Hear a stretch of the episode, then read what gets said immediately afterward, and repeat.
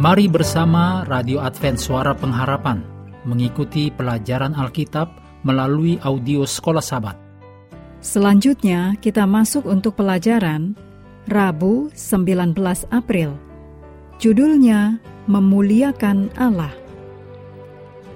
Mari kita mulai dengan doa singkat yang didasarkan dari Wahyu 1 ayat 3. Berbahagialah ia yang membacakan dan mereka yang mendengarkan kata-kata nubuat ini, dan yang menuruti apa yang ada tertulis di dalamnya. Amin.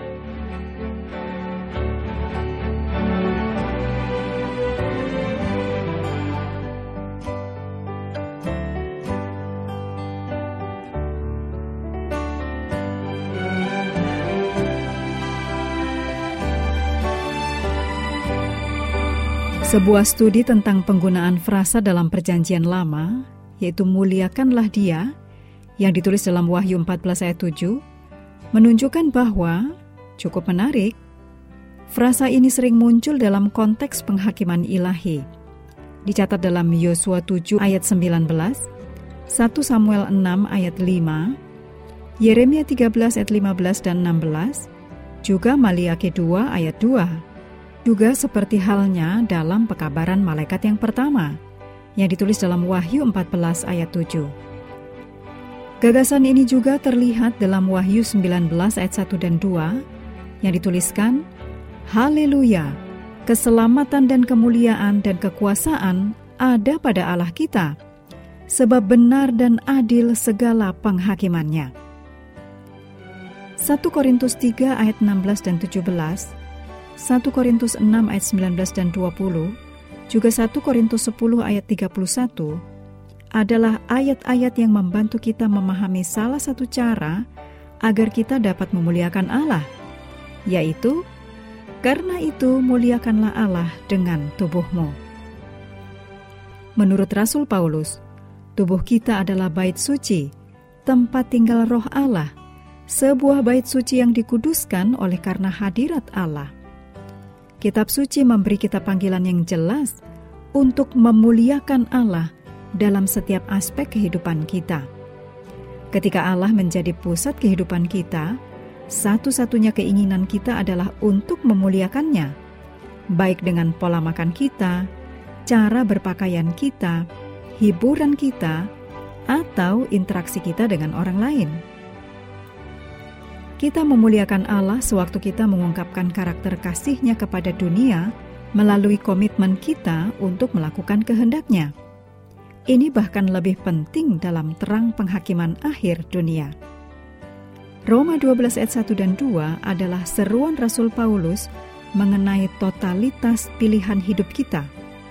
Dituliskan, ayat yang pertama, Karena itu saudara-saudara, demi kemurahan Allah, Aku menasihatkan kamu supaya kamu mempersembahkan tubuhmu sebagai persembahan yang hidup, yang kudus, dan yang berkenan kepada Allah.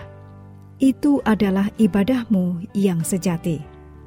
Ayat yang kedua, janganlah kamu menjadi serupa dengan dunia ini, tetapi berubahlah oleh pembaruan budimu, sehingga kamu dapat membedakan manakah kehendak Allah, apa yang baik, yang berkenan kepada Allah, dan yang sempurna. Kata Yunani Perjanjian Baru untuk tubuh dalam bagian ini adalah somata, yang lebih baik jika diterjemahkan sebagai keseluruhan dari siapa diri Anda, yaitu tubuh, pikiran, dan emosi. Kitab suci terjemahan Philips menerjemahkan ungkapan pelayanan yang layak sebagai tindakan penyembahan yang cerdas. Dengan kata lain, ketika Anda membuat komitmen total untuk takut akan Tuhan dan muliakanlah Dia dalam setiap hal yang Anda lakukan, maka berikanlah pikiran Anda, tubuh Anda, dan emosi Anda kepada Tuhan. Ini adalah tindakan penyembahan yang cerdas. Dan juga dalam terang penghakiman Tuhan, penurutan adalah ide yang baik. Pikirkan tentang apa yang Anda lakukan dengan tubuh Anda. Kita perlu memastikan bahwa diri kita sesungguhnya memuliakan Allah melalui tubuh kita.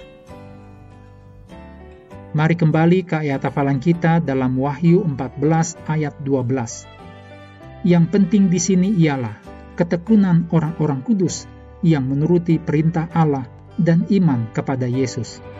Kami terus mendorong Anda untuk mengambil waktu bersekutu dengan Tuhan bersama dengan seluruh keluarga, baik melalui renungan harian, pelajaran Alkitab sekolah sahabat, juga bacaan Alkitab sedunia percayalah kepada nabi-nabinya yang untuk hari ini melanjutkan dari Ayub 25.